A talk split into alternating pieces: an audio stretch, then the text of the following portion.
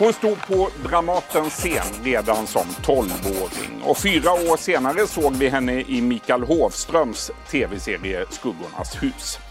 Sen dess har vi sett henne i en massa olika tv-serier och filmer. Och nu gör hon regidebut i barn och ungdomsdeckaren Lasse-Majas detektivbyrå Tågrånarens hemlighet.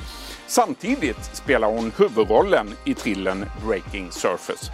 Varmt välkommen hit Moa Gammel Ginsburg. Tack snälla!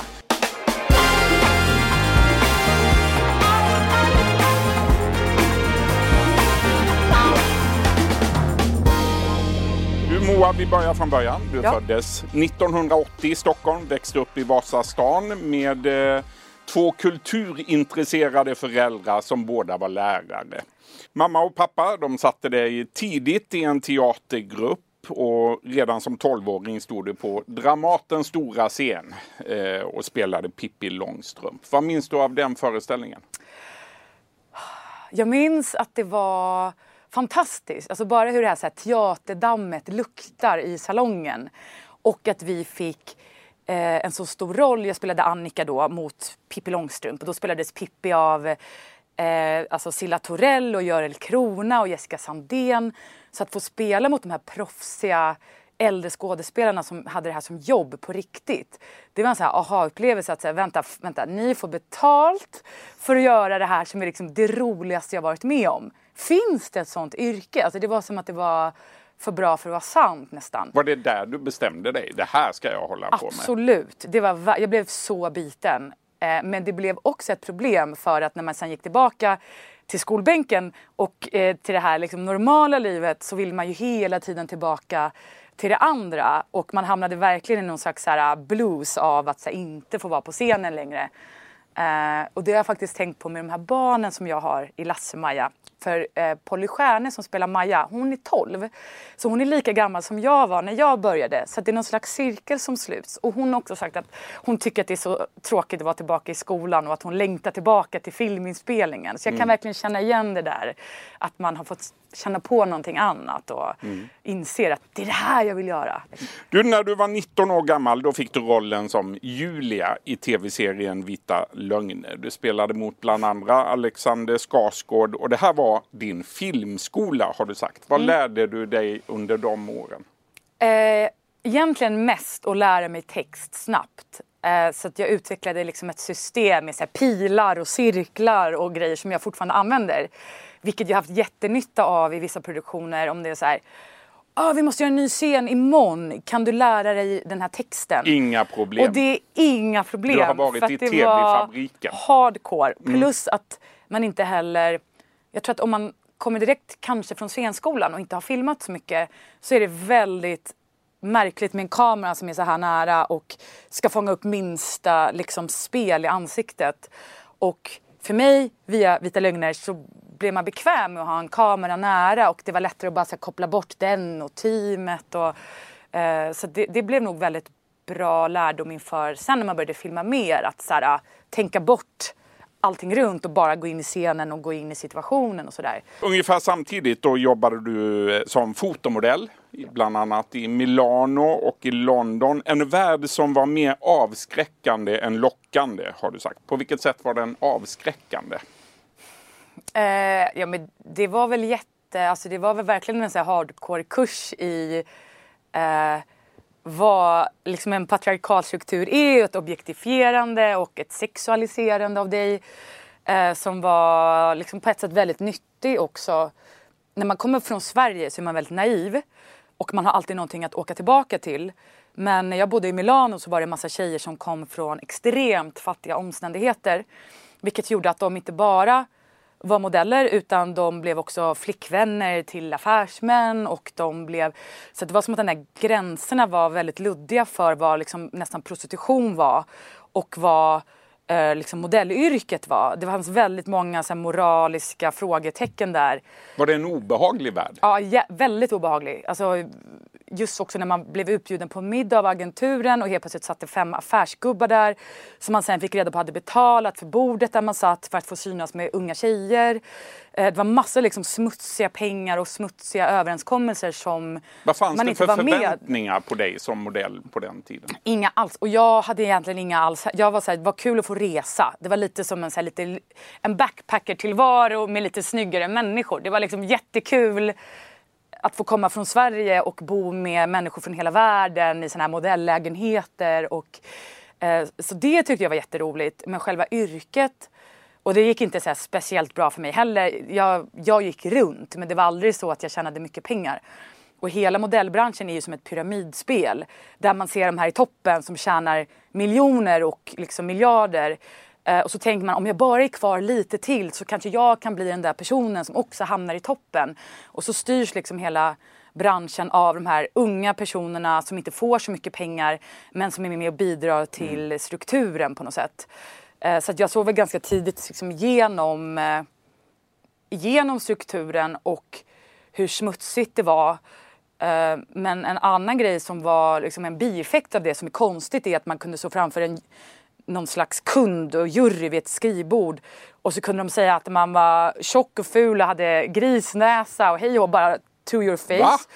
Och det var ganska nyttigt, det låter ju konstigt men det var nyttigt för det gjorde också att man fick en relation till sin kropp som var att den inte riktigt tillhörde dig. Vilket gjorde att du blev väldigt icke-fåfäng. Att det var så här, whatever, för det här som ni står och kommenterar har ingenting med mig att göra egentligen. Så det var en så här paradoxal grej av att bli mindre medveten än vad man var innan. Liksom. Ja, men det var, det var Mm. brutalt. Liksom. Det här var ju också innan den här dokumentär, det kom ut en dokumentär sen om Elite Models som blev en sån skandaldokumentär om han Casablancas. Jag vet inte om du kommer ihåg den? Känner du igen saker ifrån den? Extremt mycket och jag tror att de har försökt jobba mycket med arbetsmiljö och sånt efter det. Men jag menar, det är ju inte en hälsosam bransch att skicka iväg en 14-åring till exempel till Tokyo som vissa modeller gör eller till hoppa av skolan när man är 15 för att åka till Paris och liksom och de modeller som som jag vet som det har gått väldigt bra för har ju också fått ett väldigt märkligt förhållande till sin kropp för att du måste ligga på minus 10 undervikt för att kunna passa in. Och om du blir modell som 14-åring så har du inte än liksom kanske kommit in i puberteten och du har inte blivit vuxen än. Och så har du fortfarande kravet på dig att ha samma mått som när du var 14. Det är klart att det är extremt skevt. Och eh, Ja, alltså de som säger att, att branschen, det är som vilken bransch som helst, det är klart att det inte är det. Det är en extremt smutsig bransch Mm. med extremt märkliga eh, värderingsgrunder. Men du råkade aldrig illa ut? Du lyckades ta dig därifrån helt Ja, ja eh, det, var, det var tillfällen när jag bara kände så att jag Milano var faktiskt värst. Det, det är en jävla skitstad, förlåt. Uh, det, det var extremt liksom um, sleazy personer som försökte, som följde efter en på gatan. Alltså det var vidrigt. Och då sa jag till min agentur att jag vill åka hem för att det här, eh, jag kan inte vara kvar här. Jag var bara 16 också. Och då sa de att nej, vi behåller ditt pass så att du får åka hem först när du har arbetat av din skuld till oss för Va? flygbiljetten. 16 år gammal. Ja, och det där är också ett system att de sätter upp dig på en skuldlista för att de kopierar dina setcards, alltså dina visitkort, de tar bilder, de betalar för flygbiljett och allting. Och då förväntar de sig att du ska jobba av den skulden innan du får åka hem. Eh, Så att jag var tvungen att dra till med någon sån nödlögn om att min eh, liksom, morfar hade dött. Bara Men för att de usch. skulle släppa hem mig. Och min mamma försökte ringa och var såhär, nu släpper ni hem henne. Men det var liksom, Det låter helt vidrigt. ja men, men det är lite så. Mhm. Ja. Du, tillbaka till skådespeleriet Mm. nu då. 2006, då spelade du mot Mikael Nyqvist i Underbara älskade. 2009 fick du huvudrollen i Sommaren med Göran och så dök det upp i polisfilmer om Beck, Wallander, Annika Bengtsson och polisassistent i Långköraren om Ja, det är mycket Huss. Nordic Noir i Sverige. Väldigt på. mycket. Vilken av alla dessa roller har varit roligast att göra? Eh, alltså jag tror att det var de rollerna som började komma eh, när jag fyllt 30. Alltså när jag gjorde Tommy med Tarik Saleh och spelade den här eh, gangsterhustrun och jordskott. Eh, och jag fick spela en, en tjej med Asperger-diagnos i hemma.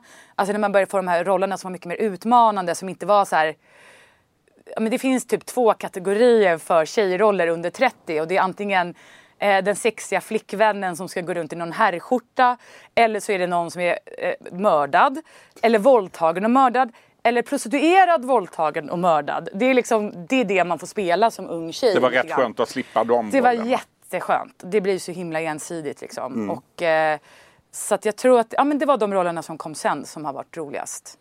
2013 var du kreativ producent och upphovskvinna till filmen Känn ingen sorg om artisten Håkan Hellström. Hur hamnade du där? Eh, jag var super Håkan Hellström-fan. Liksom. Eh, och det var också kul för att hans debutskiva släpptes när jag gjorde Vita lögner. Så hela den skivan blev som någon slags bästa vän när jag bodde i Göteborg och egentligen inte kände någon. Plötsligt det... dyker han upp på inspelningarna. Ja, men det var ju... Ja, men jag var så starstruck så att jag jag tvingade kostymavdelningen att ge mig helt andra finare kläder och jag ville ha mer smink. Och jag ville liksom... Eh, och sen när han väl kom dit så då blev jag så himla blyg så att jag gömde mig i logen. Så det var totalt misslyckat. Det var totalt misslyckat. Um, men som sagt, jag älskar hans musik så mycket och eh, jag tycker också att det finns en potential i Sverige som man inte riktigt har avverkat som är också musikaler eller musikskatter eller och speciellt då med artister som också har en svärta. Att det inte bara är eh, obladi oblada utan det, är liksom, det finns någonting annat där vilket hans, hans texter är ju liksom eh, poesi. Och då hade jag en idé om att så här, vad händer om man gör en musikal av Håkan Hellströms låtskatt? Eh, och så tog jag den idén till Acne-film. Och så visade det sig att en annan kille där hade också haft någon liknande idé. Eh, så då jobbade vi tillsammans och eh, eh ja, men tog fram det projektet. Mm.